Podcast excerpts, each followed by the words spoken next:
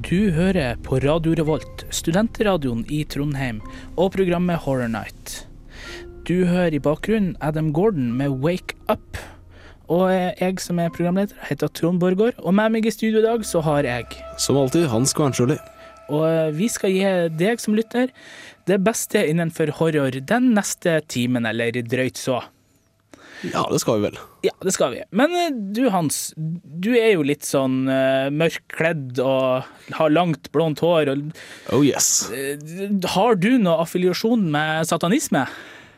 Ja, det meste jeg har vært borte, er jo musikken, og mm, så har jeg jo forstått lest Den satanistiske bibel av eh, Anton Sandor Lavey, da. Som for så vidt er et makkverk uten like. Så du, du er ikke helt satanist, for å si det sånn? Nei, Men, men du har vært borti en del av elementene Ja, derifra? ja, jeg er for så relativt godt kjent med en del av det. Ja. Ja, en del av karik karikaturene. Jeg var oppe på NTNU og snakka med Asbjørn Dyrendal. Og han fortalte meg litt grann om det her med satanisme. Jeg heter Asbjørn Dyrendal. Jeg er religionshistoriker, eh, instituttleder ved NTNU. Og eh, jobber med moderne vestlig samtidsreligion. Du har arbeidet ganske mye med satanisme og sett inn på det her fenomenet og en del fenomener rundt. Hva er egentlig satanisme? Ja, Det kommer litt an på hvem du spør, og hva du mener med satanisme sjøl. Det er helt klart at for en som er oppvokst i å legge veldig stor vekt på kristen tankegang, så er jo da en, en satanist en som dyrker Satan. Men spør du en satanist, så er sjansen for at du får svar om at jeg dyrker Satan, den er ganske liten. Og innafor eh, forskninga eh, som vi bedriver her, så snakker vi gjerne om tre hovedtyper satanisme. Som har noen sånn beslekta eh, elementer, men ikke nødvendigvis da er så like at det er meningsfylt å snakke om dem som samme ting. Og Det ene er litt det vi kaller for reaktiv satanisme. Som tar opp i seg kulturens fortellinger om hva satanister er. Og det er typisk sånn skrekk- og gru-litteraturen og teologiens og andre sånn fiendebilder. Eh, og lager eh, den typen selvframstilling delvis basert på det. Det er ikke helt så enkelt, men vi kan late som. Så har vi det vi kaller for rasjonalistisk satanisme.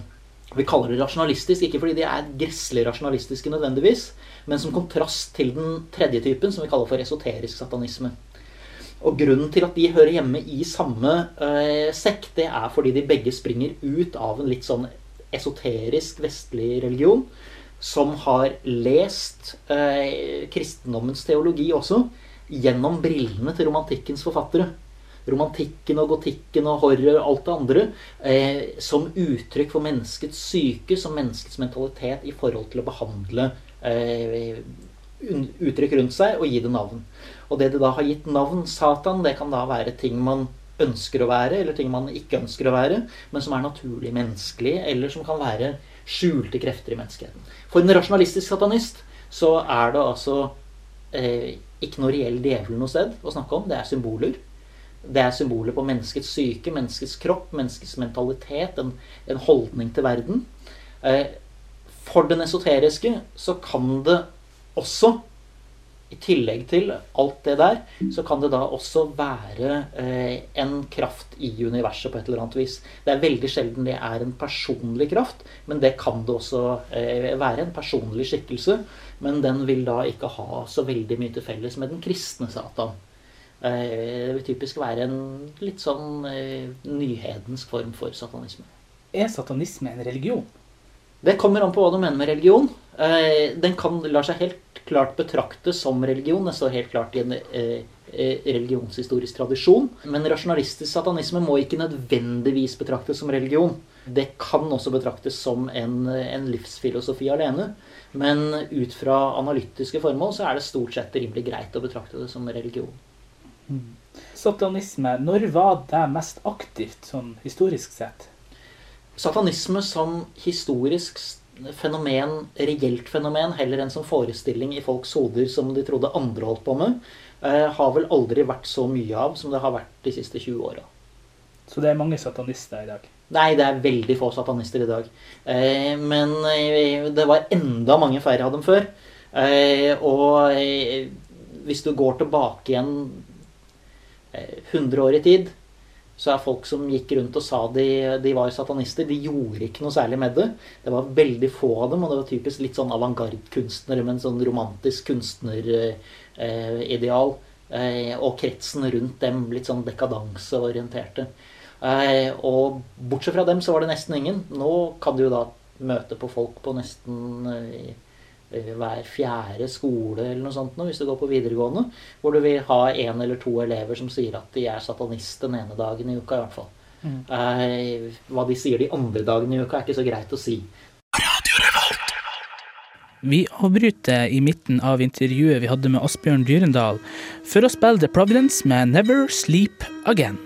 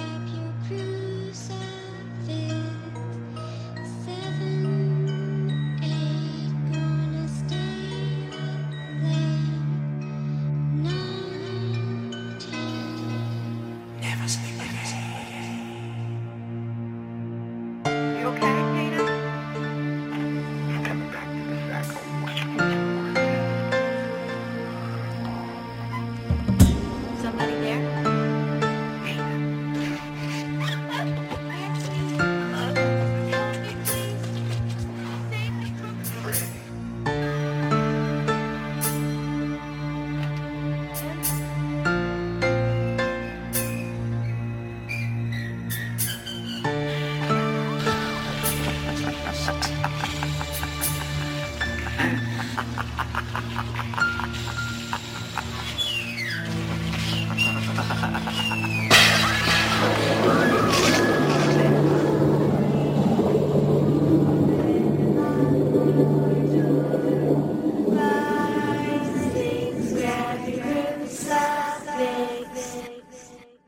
er ikke så mange satanister ute der, og før var det enda færre, men i enkelte perioder så virka det som at det har vært stor frykt for dem. Det har vært kjempefrykt for satanisme, eller sånn Ikke egentlig for satanisme, sånn som eh, vi jobber med det i religionshistoriefaget som eksisterende fenomen, men som det fenomenet som det blir tenkt som opp gjennom historien, nemlig som det motsatte av kristendommen. Som en organisert motkraft til eh, alt som har med moral og godt samfunn og godhet å gjøre. Eh, hvor da f.eks. protestantisk retorikk ville ha det til at den katolske kirken var under Satan og dermed en form for satanisme. Og under heksejaktene så er jo da alle hekser og alle motstandere av kristenheten eh, som da driver med ond magi og den typen ting, eh, det er også en form for satanisme i den sammenhengen. Da har du frykt, ikke sant? Da har du heksejaktfenomenet, som er basert på tankene om en sammensvergelse av ondskapens krefter, ledet av djevelen selv. Og vi har eh, moderne varianter av dette her som kan inkludere eh, det guddommelige og englehærer og demoner og, og, og Satan selv eh, i, i forestillingsverdenen sin.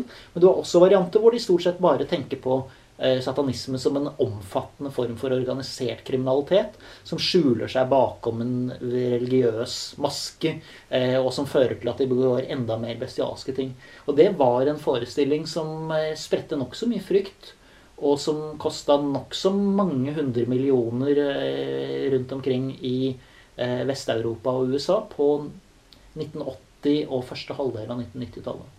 Den eh, reiste rundt med journalister og predikanter og psykologer og politifolk som hadde vært på kurs hos hverandre og lært seg å se etter fryktelige tegn på farer og, og fryktelige tegn i tiden men som kanskje ikke var så veldig opptatt av å finne ut hva satanisme var for noe, eller å tenke kritisk i forhold til den informasjonen de fikk. I forhold til det her, du har jo òg i litteratur har du jo også et veldig godt, eller et veldig tydelig bilde ut av hva en satanist skal være for noe. Du har òg sånne her eh, bilder som eh, ja, kristne hadde folk med forskjellige typer makt som da har vært dratt inn i det her, altså f.eks. sånn som politi og sånn. Mm. Hvordan vil en, en, genuin satanist se på det her opp imot hvordan måtte, hans egen religion eller hennes egen religion faktisk er? Det er et veldig komplisert spørsmål. Fordi det er, to, det er to sider til det der. For det første så er det selvfølgelig å si at eh, skremmebildene som finnes i litteraturen og kunsten, det er ikke noe man eh, tar så veldig alvorlig eh, og, og ikke mener at folk skal gå rundt og tro på. Men på den annen side så er det en form for selvmodellering som går i forhold til de forbildene man faktisk får presentert. Og let's face it, det er ikke så jævlig mange satanister å modellere seg etter i den virkelige verden. Så hvis du skal modellere skikkelsen din etter noe eh, Anton Lavey var en mester i det. Så må du bruke de forestillingene andre har rundt deg, og speile dem tilbake igjen til dem. Og de forestillingene folk rundt deg har, de kommer i veldig stor grad fra litteraturen. Og da fra den typen litteratur eller film eller begge deler som folk flest ser. ikke sant? Altså enkle ting. Så, så lenge den store kunstnermyten eh, var vesentlig, og det har den vært, eh, så var det viktig. Eh, og det øyeblikket du får eh, svartmetallmusikerne og, og, og mytene rundt den biten, så får du noen av den typen eh, inspirasjoner også. Eh, Så eh, litteratur, kunst, eh, musikk har alltid spilt en rolle i forhold til å vise hvem man er i den sammenhengen. Og det er klart at Da følger man jo da kunstneriske konvensjoner. Sånn at du kan jo se de, de presentasjonene eh, og følge dem eh, ofte knytta opp til hvilke typer inspirasjonskilder de har. Og Hvis man da går over til altså, ritualer og sånt, så har du jo på en måte i litteraturen spesielt, men òg i folkehistorie og sånt, vært veldig mye sånn her forferdelige Sorte messer. Sorte Oh! messer, Ja, og det er, det er eh, sex. Og du kan av og til se, eh, nesten se forfatteren sitte liksom sånn og sikle over tastaturet når, når disse her scenene blir, blir skrevet. ikke sant? Åh, det er demoner, og det er, eh, det er frisex, og det er løssluppent begjær, og ja oh, og uff, og det er så bare fysj, Men selvfølgelig da med en moralsk undertone. Eh, hvis du da går til virkelige satanister i eh, verden sånn som de stort sett finnes, så gjør de fryktelig lite ritualer. Eh, og de de gjør, gjør de stort sett på egen hånd. Eh, og hvis det er noe sex involvert, så er det stort sett med hånda. Eh, det er selvfølgelig folk som driver sånn rituell sex med hverandre, med partner også. Og du har selvfølgelig hatt ting knytta opp mot litt mer libertine miljøer, hvor det finnes en og annen som faktisk da kan gjøre noe som ville vekte oppsikt, muligens i vårt land. Eh, sannsynligvis ikke i Dagbladet. Eh, så det er nokså mye kjedeligere virkelighet enn fantasi, men det er jo derfor fantasien er så mye bedre i den sammenhengen. Det er derfor vi lager de her skrekkhistoriene. med andre som kan se med store kuler under øynene og eh, lett sikle munnviken på Uff, se hva de holder på med, er det ikke fælt? Er de ikke umoralske? Og av og til så hører du en liten undertekst av Gud, jeg skulle ønske det var meg. Da var vi tilbake igjen. Eh, Du Hans, jeg, jeg må være helt ærlig med deg. Når jeg var for å gjøre det her intervjuet her, så hadde jeg trodd at det skulle være litt mer omf i satanistene. Ja, men eh, nei, det er jo noen små puslete mammedalter alle sammen, vet du. Ja, eller Nei, det vet jeg jo ikke, men det kan, det kan jo hende. Det var Kanskje. sånn parti da, kanskje, men eh, Det er ikke så bra som det er i litteraturen, i hvert fall. Nei. Det er helt sikkert. Nei, det er helt sikkert. Det er kanskje òg like greit, på en måte. Ja, det er kanskje det. Men vi skal jo videre. Yes, det skal vi. Og Algeron Blackwood. yes, han står bak det stykket som vi skal spille for dere i kveld. Eller dag. Ja. Han ble da født i eh, 1869 og strøk med i 1951. Mm. Engelskmann. Engelskmann, ja. Skrev hovedsakelig spøkelseshistorier. Yes. Som er omtrent det eneste England har av uh, av noe slag. Han eh, var en bekjentskap av HP Lovecraft, eller i hvert fall til det nivået at HP Lovecraft hadde i hvert fall hørt om han, Ja. og anså han til å være en veldig god skriver. Ja, Han sammenligna han vel med lord Dunsay som er en av uh, de virkelig store inspirasjonskildene til Lovecraft. Og regna begge to sammen med de fire store av de ja, det han- kaller de moderne horrorskribentene. da. Ja, han laga ei liste der på fire stykk, og der er blant annet eh, godeste Blackwood. Og Ja. eh, den historien vi skal spille i dag, um, som da er The Empty House, det, den har ikke fått så mye kreditt som en del andre ting han har gjort. Um, den er laga veldig tidlig i uh, hans Hva- karriere. Ja, og er den som er uh, Eller en av de som er minst anerkjent, eller noe sånt. Nå. Ja. Men den, er- jeg syns den er veldig bra, så jeg håper at dere òg liker den. Det er Linda Ferguson eh, som har lest inn det her for Libervox, så får dere bare kose dere. The Empty House by Algernon Blackwood. Certain houses, like certain persons, manage somehow to proclaim at once their character for evil. In the case of the latter, no particular feature need betray them.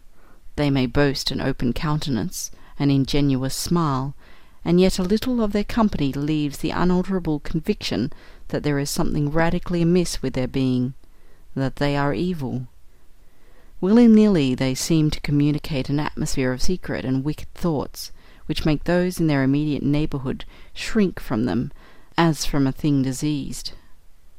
And, perhaps, with houses the same principle is operative, and it is the aroma of evil deeds committed under a particular roof, long after the actual doer has passed away, that makes the goose-flesh come and the hair rise.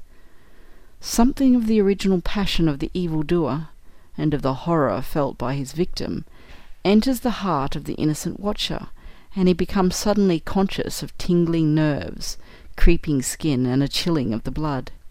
He is terror-stricken without apparent cause. There was manifestly nothing in the external appearance of this particular house to bear out the tales of the horror that was said to reign within. It was neither lonely nor unkempt. It stood crowded into a corner of the square, and looked exactly like the houses on either side of it. It had the same number of windows as its neighbours, the same balcony overlooking the gardens, the same white steps leading up to the heavy black front door, and, in the rear, there was the same narrow strip of green, with neat box borders, running up to the wall that divided it from the backs of the adjoining houses. Apparently, too, the number of chimney pots on the roof was the same, the breadth and angle of the eaves, and even the height of the dirty area railings. And yet, this house in the square, that seemed precisely similar to its fifty ugly neighbours, was, as a matter of fact, entirely different, horribly different.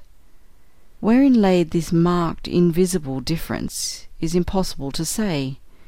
It cannot be ascribed wholly to the imagination, because persons who had spent some time in the house, knowing nothing of the facts, had declared positively that certain rooms were so disagreeable they would rather die than enter them again, and that the atmosphere of the whole house produced in these symptoms of a genuine terror, while the series of innocent tenants who had tried to live in it and been forced to decamp at the shortest possible notice was indeed little less than a scandal in the town.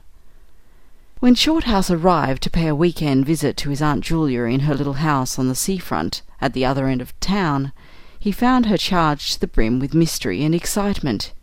He had only received her telegram that morning, and he had come anticipating boredom, but the moment he touched her hand and kissed her apple-skinned wrinkled cheek, he caught the first wave of her electrical condition.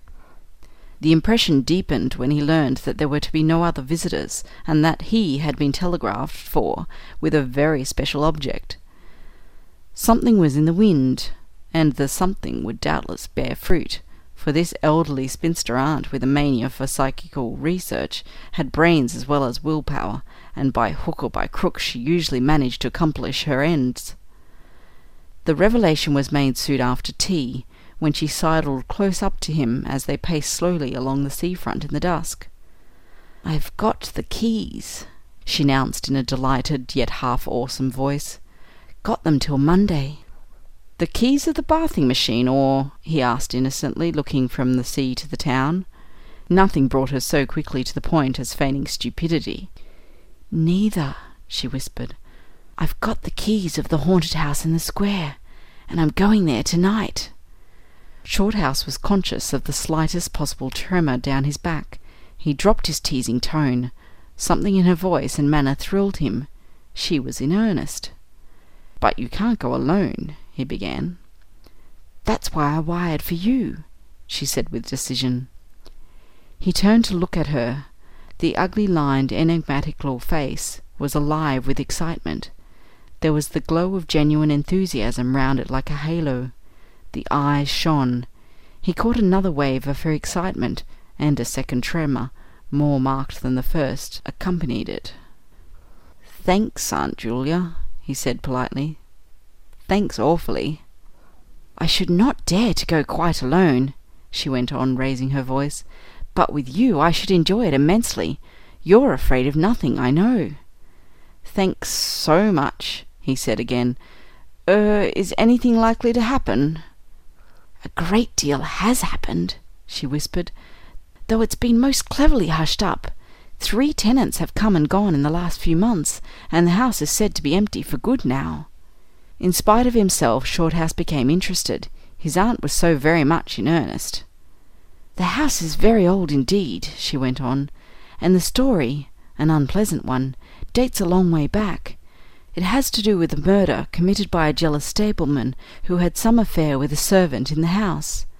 One night he managed to secret himself in the cellar, and when everyone was asleep, he crept upstairs to the servants' quarters, chased the girl down to the next landing, and before anyone could come to the rescue, threw her bodily over the banisters into the hall below."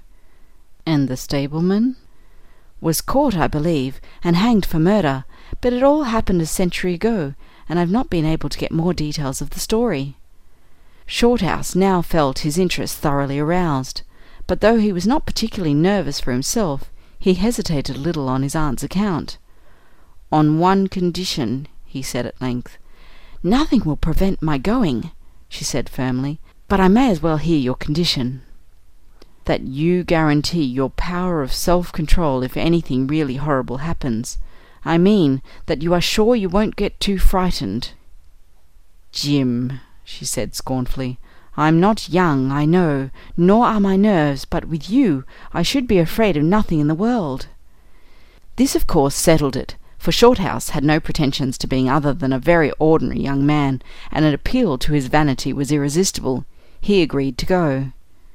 Instinctively, by a sort of subconscious preparation, he kept himself and his forces well in hand the whole evening, compelling an accumulative reserve of control by that nameless inward process of gradually putting all the emotions away and turning the key upon them, a process difficult to describe, but wonderfully effective, as all men who have lived through severe trials of the inner man well understand. Later it stood him in good stead. But it was not until half past ten, when they stood in the hall, well in the glare of friendly lamps, and still surrounded by comforting human influences, that he had to make the first call upon his store of collected strength; for, once the door was closed, and he saw the deserted silent street stretching away white in the moonlight before them, it came to him clearly that the real test that night would be in dealing with two fears instead of one. He would have to carry his aunt's fears, as well as his own and as he glanced down at her sphinx like countenance, and realized that it might assume no pleasant aspect in a rush of real terror, he felt satisfied with only one thing in the whole adventure that he had the confidence in his own will and power to stand against any shock that might come. Slowly they walked along the empty streets of the town. A bright autumn moon silvered the roofs, casting deep shadows. There was no breath of wind, and the trees in the formal gardens by the sea front watched them silently as they passed along. To his aunt's occasional remarks Shorthouse made no reply, realizing that she was simply surrounding herself with mental buffers, saying ordinary things to prevent herself thinking of extraordinary things. Few windows showed lights, and from scarcely a single chimney came smoke or sparks. Shorthouse had already begun to notice everything, even the smallest details. Presently they stopped at the street corner, and looked up at the name on the side of the house, full in the moonlight, and with one accord, but without remark, turned into the square and crossed over to the side of it that lay in the shadows. "The number of the house is thirteen," whispered a voice at his side, and neither of them made the obvious reference, but passed across the broad sheet of moonlight and began to march up the pavement in silence. It was about half way up the square that Shorthouse felt an arm slipped quietly but significantly into his own, and knew that their adventure had begun in earnest, and that his companion was already yielding imperceptibly to the influences against them. She needed support. A few minutes later they stopped before a tall, narrow house that rose before them into the night. ugly in shape and painted a dingy white. Shutterless windows without blinds stared down upon them, shining here and there in the moonlight. There were weather streaks in the walls and cracks in the paint, and the balcony bulged out from the first floor a little unnaturally. But beyond this generally forlorn appearance of an unoccupied house, there was nothing at first sight to single out this particular mansion for the evil character it had most certainly acquired. Taking a look over their shoulders to make sure they had not been followed, they went boldly up the steps and stood against the huge black door that fronted them forbiddingly. But the first wave of nervousness was now upon them, and Shorthouse fumbled a long time with the key before he could fit it in the lock at all. For a moment, if truth were told, they both hoped it would not open, for they were a prey to various unpleasant emotions as they stood there on the threshold of their ghostly adventure. Shorthouse, shuffling with the key and hampered by the steady weight of his arm, certainly felt the solemnity of the moment. It was as if the whole world, for all experience seemed at that instant concentrated in his own consciousness, were listening to the grating noise of that key. A stray puff of wind wandering down the empty street woke a momentary rustling in the trees behind them, but otherwise this rattling of the key was the only sound audible and at last it turned in the lock, and the heavy door swung open and revealed a yawning gulf of darkness beyond. With a last glance at the moonlit square, they passed quickly in, and the door slammed behind them with a roar that echoed prodigiously through empty halls and passages. But instantly, with the echoes, another sound made itself heard, and Aunt Julia leaned suddenly so heavily upon him that he had to take a step backwards to save himself from falling. A man had coughed close beside them, so close that it seemed they must have been actually by his side in the darkness. With the possibility of practical jokes in his mind, Shorthouse at once swung his heavy stick in the direction of the sound, but it meant nothing more solid than air. He heard his aunt give a little gasp beside him. There's someone here, she whispered. I heard him. Be quiet, he said sternly. It was nothing but the noise of the front door. Oh, get a light, quick! she added as her nephew, fumbling with a box of matches, opened it upside down and let them all fall with a rattle onto the stone floor. The sound, however, was not repeated, and there was no evidence of retreating footsteps. In another minute they had a candle burning, using an empty end of a cigar case as a holder, and when the first flare had died down he held the impromptu lamp aloft and surveyed the scene and it was dreary enough in all conscience, for there is nothing more desolate in all the abodes of men than an unfurnished house dimly lit, silent and forsaken, and yet tenanted by rumour with the memories of evil and violent histories. They were standing in a wide hallway. On their left was the open door of a spacious dining room, and in front the hall ran, ever narrowing, into a long dark passage that led apparently to the top of the kitchen stairs. The broad, uncarpeted staircase rose in a sweep before them, everywhere draped in shadows, except for a single spot about halfway up where the moonlight came in through the window and fell on a bright patch on the boards. This shaft of light shed a faint radiance above and below it, lending to the objects within its reach a misty outline that was infinitely more suggestive and ghostly than complete darkness. Filtered moonlight always seems to paint faces on the surrounding gloom, and as Shorthouse peered up into the well of darkness and thought of the countless empty rooms and passages in the upper part of the old house, he caught himself longing again for the safety of the moonlit square, or the cosy bright drawing room they had left an hour before. Then, realizing that these thoughts were dangerous, he thrust them away again and summoned all his energy for concentration on the present. Aunt Julia, he said aloud severely, we must now go through the house from top to bottom and make a thorough search. The echoes of his voice died away slowly all over the building, and in the intense silence that followed he turned to look at her. In the candlelight he saw that her face was already ghastly pale, but she dropped his arm for a moment and said in a whisper, stepping close in front of him, I agree. We must be sure there's no one hiding. That's the first thing. She spoke with evident effort, and he looked at her with admiration. You feel quite sure of yourself. It's not too late. I think so, she whispered, her eyes shifting nervously toward the shadows behind. Quite sure. Only one thing. What's that? You must never leave me alone for an instant. As long as you understand that any sound or appearance must be investigated at once, for to hesitate means to admit fear. That is fatal. Agreed, she said, a little shakily after a moment's hesitation. I'll try. Arm in arm, Shorthouse holding the dripping candle and the stick, while his aunt carried the cloak over her shoulder, figures of utter comedy to all but themselves, they began a systematic search. Stealthily, walking on tiptoe, and shading the candle lest it should betray their presence, through the shutterless windows, they went first into the big dining room. There was not a stick of furniture to be seen. Bare walls, ugly mantelpieces, and empty grates stared at them. Everything they felt resented their intrusion, watching them, as it were, with their veiled eyes. Whispers followed them. Shadows flitted noiselessly to right and left. Something seemed ever at their back, watching, waiting an opportunity to do them injury. There was the inevitable sense that operations which went on when the room was empty had been temporarily suspended till they were well out of the way again. The whole dark interior of the old building seemed to become a malignant presence that rose up, warning them to desist and mind their own business. Every moment the strain on the nerves increased.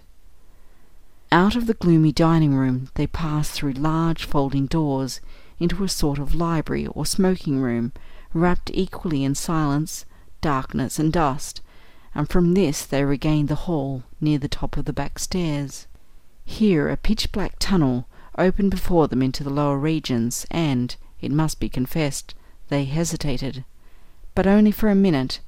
With the worst of the night still to come, it was essential to turn from nothing. Aunt Julia stumbled at the top step of the dark descent, ill lit by the flickering candle, and even Shorthouse felt at least half the decision go out of his legs. Come on, he said peremptorily, and his voice ran on and lost itself in the dark, empty spaces below. I'm coming, she faltered, catching his arm with unnecessary violence. They went a little unsteadily down the stone steps, a cold, damp air meeting them in the face, close and malodorous. The kitchen, into which the stairs led along a narrow passage, was large, with a lofty ceiling. Several doors opened out of it, and some into cupboards with empty jars still standing on the shelves, and others into horrible little ghostly back offices, each colder and less inviting than the last. Black beetles scurried over the floor, and once, when they knocked against a deal table standing in a corner, something about the size of a cat jumped down with a rush and fled, scampering across the stone floor into the darkness. Everywhere there was a sense of recent occupation, an impression of sadness and gloom. Leaving the main kitchen, they next went towards the scullery. The door was standing ajar, and as they pushed it open to its full extent, Aunt Julia uttered a piercing scream, which she instantly tried to stifle by placing her hand over her mouth. For a second Shorthouse stood stock still, catching his breath. He felt as if his spine had suddenly become hollow and someone had filled it with particles of ice. Facing them, Directly in their way between the doorsteps stood the figure of a woman.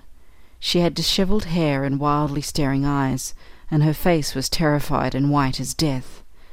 She stood there, motionless, for the space of a single second. Then the candle flickered, and she was gone. Gone utterly, and the door flamed nothing but empty darkness. "Only the beastly jumping candlelight," he said quickly, in a voice that sounded like someone else's, and was only half under control. Come on, aunt, there's nothing there." He dragged her forward. With a clattering of feet and a great appearance of boldness, they went on, but over his body the skin moved as if crawling ants covered it, and he knew by the weight of his arm that he was supplying the force of locomotion for two. The scullery was cold, bare, and empty, more like a large prison cell than anything else. They went round it, tried the door into the yard and the windows, but found them all fastened securely. His aunt moved beside him like a person in a dream. Her eyes were tightly shut, and she seemed merely to follow the pressure of his arm. Her courage filled him with amazement. At the same time he noticed that a certain odd change had come over her face, a change which somehow evaded his power of analysis. "There's nothing here, auntie," he repeated aloud, quickly. "Let's go upstairs and see the rest of the house, then we'll choose a room to wait up in." She followed him obediently, keeping close to his side, and they locked the kitchen door behind them. It was a relief to get up again. In the hall there was more light than before, for the moon had travelled a little further down the stairs. Cautiously they began to go up into the dark vault of the upper house, the boards creaking under their weight. On the first floor they found the large double drawing rooms, a search of which revealed nothing. Here also was no sign of furniture or recent occupancy, nothing but dust and neglect and shadows. They opened the big folding doors between front and back drawing rooms, and then came out again to the landing and went on upstairs. They had not gone up more than a dozen steps when they both simultaneously stopped to listen, looking into each other's eyes with a new apprehension across the flickering candle. From the room they had left, hardly ten seconds before, came the sounds of doors quietly closing. It was beyond all question they heard the booming noise that accompanies the shutting of heavy doors, followed by the sharp catching of a latch. "We must go back and see," said Shorthouse briefly in a low tone, and turning to go downstairs again. Somehow she managed to drag after him, her feet catching in her dress, her face livid. When they entered the front drawing room it was plain that the folding doors had been closed half a minute before. Without hesitation Shorthouse opened them. He almost expected to see someone facing him in the back room, but only darkness and cold air met him. They went through both rooms, finding nothing unusual. They tried in every way to make the doors close of themselves, but there was not wind enough even to set the candle flame flickering. The doors would not move without strong pressure. All was silent as the grave. Undeniably the rooms were utterly empty, and the house utterly still. "It's beginning," whispered a voice at his elbow which he hardly recognized as his aunt's.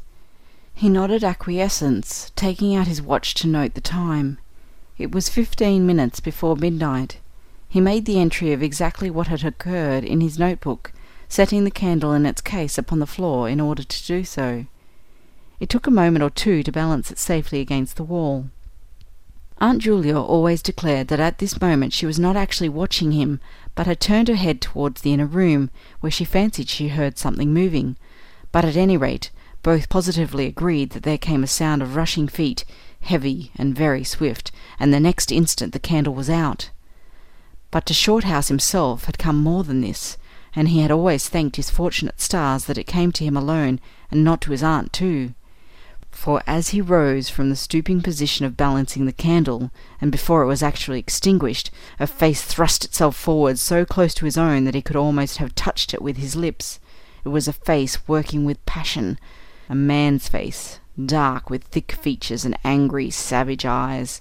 It belonged to a common man, and it was evil in its ordinary normal expression, no doubt, but as he saw it, alive with intense, aggressive emotion, it was a malignant and terrible human countenance. There was no movement of the air, nothing but the sound of rushing feet, stockinged or muffled feet, the apparition of the face, and the almost simultaneous extinguishing of the candle. In spite of himself, Shorthouse uttered a little cry, nearly losing his balance as his aunt clung to him with her whole weight in one moment of real uncontrollable terror. She made no sound, but simply seized him bodily. Fortunately, however, she had seen nothing, but had only heard rushing feet, for her control returned almost at once, and he was able to disentangle himself and strike a match.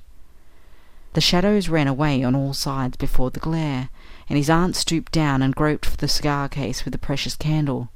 Then they discovered that the candle had not been blown out at all; it had been crushed out. The wick was pressed down into the wax, which was flattened as if by some smooth, heavy instrument. How his companion so quickly overcame her terror, Shorthouse never properly understood, but his admiration for her self control increased tenfold, and at the same time served to feed his own dying flame, for which he was undeniably grateful. Equally inexplicable to him was the evident of physical force they had just witnessed. He at once suppressed the memory of stories he had heard of physical mediums and their dangerous phenomena, for if these were true, and either his aunt or himself was unwittingly a physical medium, it meant that they were simply aiding to focus the forces of a haunted house already charged to the brim. It was like walking with unprotected lamps among uncovered stores of gunpowder. So, with as little reflection as possible, he simply relit the candle and went up to the next floor. The arm in his trembled, it is true, and his own tread was often uncertain, but they went on with thoroughness, and after a search revealing nothing, they climbed the last flight of stairs to the top floor of all. Here they found a perfect nest of small servants' rooms, with broken pieces of furniture, dirty caned bottom chairs, chests of drawers, cracked mirrors, and decrepit bedsteads. The rooms had low, sloping ceilings, already hung here and there with cobwebs, small windows, and badly plastered walls, a depressing and dismal region which they were glad to leave behind. It was on the stroke of midnight when they entered a small room on the third floor, close to the top of the stairs, and arranged to make themselves comfortable for the remainder of their adventure. It was absolutely bare, and was said to be the room, then used as a clothes closet, into which the infuriated groom had chased his victim and finally caught her. Outside, across the narrow landing, began the stairs leading up to the floor above, and the servants' quarters where they had just searched. In spite of the chilliness of the night, there was something in the air of this room that cried for an open window. But there was more than this. Shorthouse could only describe it by saying that he felt less master of himself here than in any other part of the house. There was something that acted directly on the nerves, tiring the resolution, enfeebling the will. He was conscious of this result before he had been in the room five minutes, and it was in the short time they stayed there that he suffered the wholesale depletion of his vital forces, which was, for himself, the chief horror of the whole experience. They put the candle on the floor of the cupboard, leaving the door a few inches ajar so that there was no glare to confuse the eyes, and no shadow to shift about on the walls and ceiling. Then they spread the cloak on the floor, and sat down to wait, with their backs against the wall. Shorthouse was within two feet of the door on to the landing. His position commanded a good view of the main staircase leading down into the darkness, and also of the beginning of the servant stairs going to the floor above. The heavy stick lay beside him within easy reach. The moon was now high above the house. Through the open window they could see the comforting stars like friendly eyes watching in the sky. One by one the clocks of the town struck midnight, and when the sounds died away, the deep silence of a windless night fell again over everything. Only the boom of the sea, far away and lugubrious, filled the air with hollow murmurs. Inside the house the silence became awful. Awful, he thought, because any minute now it might be broken by sounds portending terror. The strain of waiting told more and more severely on the nerves. They talked in whispers when they talked at all, for their voices aloud sounded queer and unnatural.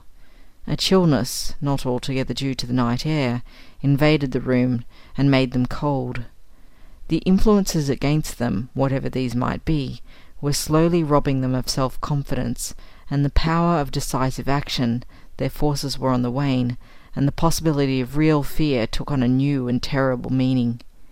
He began to tremble for the elderly woman by his side, whose pluck could hardly save her beyond a certain extent.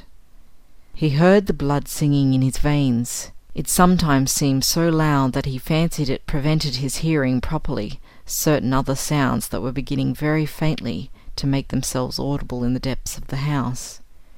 Every time he fastened his attention on these sounds, they instantly ceased. They certainly came no nearer. Yet he could not rid himself of the idea that movement was going on somewhere in the lower regions of the house. The drawing room floor, where the doors had been so strangely closed, seemed too near, the sounds were further off than that. He thought of the great kitchen, with the scurrying black beetles, and of the dismal little scullery, but somehow or other they did not seem to come from there either. Surely they were not outside the house. Then suddenly the truth flashed into his mind, and for the space of a minute he felt as if his blood had stopped flowing and turned to ice. The sounds were not downstairs at all. They were upstairs. Upstairs, somewhere among those horrid, gloomy little servants' rooms with their bits of broken furniture, low ceilings, and cramped windows. Upstairs, where the victim had first been disturbed and stalked to her death. And the moment he discovered where the sounds were, he began to hear them more clearly. It was the sound of feet moving stealthily along the passage overhead, in and out among the rooms and past the furniture. He turned quickly to steal a glance at the motionless figure seated beside him, to note whether she had shared his discovery. The faint candlelight coming through the crack in the cupboard door threw her strongly marked face into vivid relief against the white of the wall. But it was something else that made him catch his breath and stare again. An extraordinary something had come into her face and seemed to spread over her features like a mask. It smoothed out the deep lines and drew the skin everywhere a little tighter, so that the wrinkles disappeared. It brought into the face, with the sole exception of the old eyes, an appearance of youth, and almost of childhood. He stared in speechless amazement, amazement that was dangerously near to horror. It was his aunt's face indeed, but it was her face of forty years ago, the vacant, innocent face of a girl. He had heard stories of that strange effect of terror which could wipe a human countenance clean of other emotions, obliterating all previous expressions, but he had never realized that it could be literally true, or could mean anything so simply horrible as what he now saw. For the dreadful signature of overmastering fear was written plainly in that utter vacancy of the girlish face beside him, and when, feeling his intense gaze, she turned to look at him, he instinctively closed his eyes tightly to shut out the sight. Yet, when he turned a minute later, his feelings well in hand, he saw to his intense relief another expression. His aunt was smiling, and though the face was deathly white, the awful veil had lifted and the normal look was returning. Anything wrong? was all he could think to say at the moment, and the answer was eloquent, coming from such a woman. I feel cold and a little frightened, she whispered. He offered to close the window, but she seized hold of him and begged him not to leave her side even for an instant. It's upstairs, I know, she whispered with an odd half laugh, but I can't possibly go up. But Shorthouse thought otherwise, knowing that in action lay their best hope of self control. He took the brandy flask and poured out a glass of neat spirit, stiff enough to help anybody over anything, she swallowed it with a little shiver. His only idea now was to get out of the house before her collapse became inevitable, but this could not safely be done by turning tail and running from the enemy. Inaction was no longer possible. Every minute he was growing less master of himself, and desperate, aggressive measures were imperative without further delay. Moreover, the action must be taken towards the enemy, not away from it. The climax, if necessary and unavoidable, would have to be faced boldly. He could do it now, but in ten minutes he might not have the force left to act for himself, much less for both. Upstairs the sounds were meanwhile becoming louder and closer, accompanied by occasional creaking of the boards. Someone was moving stealthily about, stumbling now and then awkwardly against the furniture.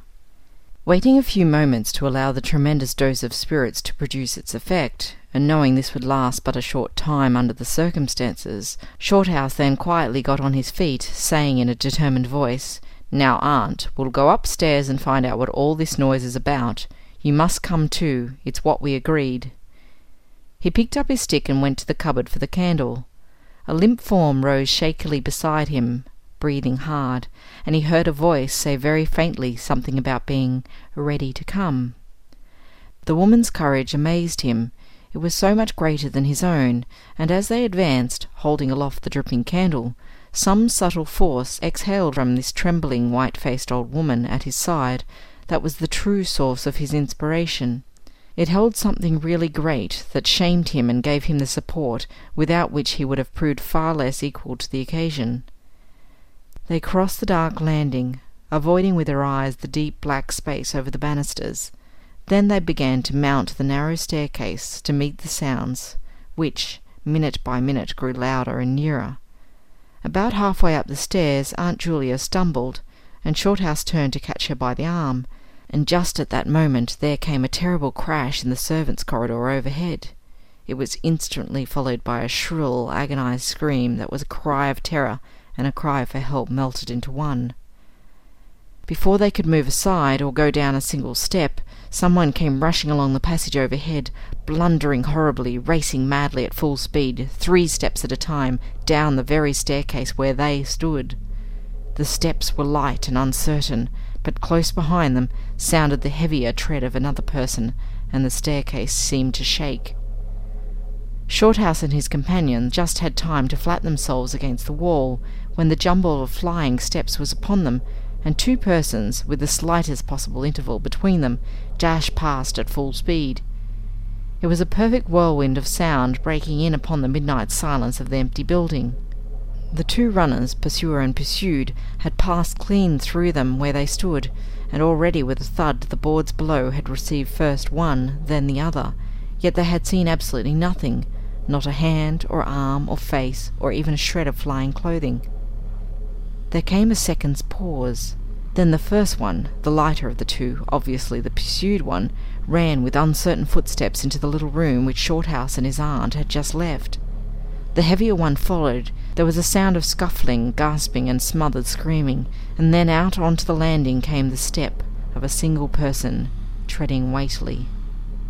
A dead silence followed for the space of half a minute, and then was heard a rushing sound through the air. It was followed by a dull, crashing thud in the depths of the house below, on the stone floor of the hall. Utter silence reigned after. Nothing moved. The flame of the candle was steady. It had been steady the whole time, and the air had been undisturbed by any movement whatsoever. Palsied with terror, Aunt Julia, without waiting for her companion, began fumbling her way downstairs. She was crying gently to herself, and when Shorthouse put his arm round her and half carried her, he felt that she was trembling like a leaf. He went into the little room and picked up the cloak from the floor, and arm in arm, walking very slowly, without speaking a word or looking once behind them, they marched down the three flights into the hall. In the hall they saw nothing, but the whole way down the stairs they were conscious that someone followed them, step by step. When they went faster, it was left behind, and when they went more slowly, it caught them up. But never once did they look behind to see, and at each turning of the staircase they lowered their eyes for fear of the following horror they might see upon the stairs above. With trembling hands, Shorthouse opened the front door and they walked out into the moonlight and drew a deep breath cool night air blowing in from the sea.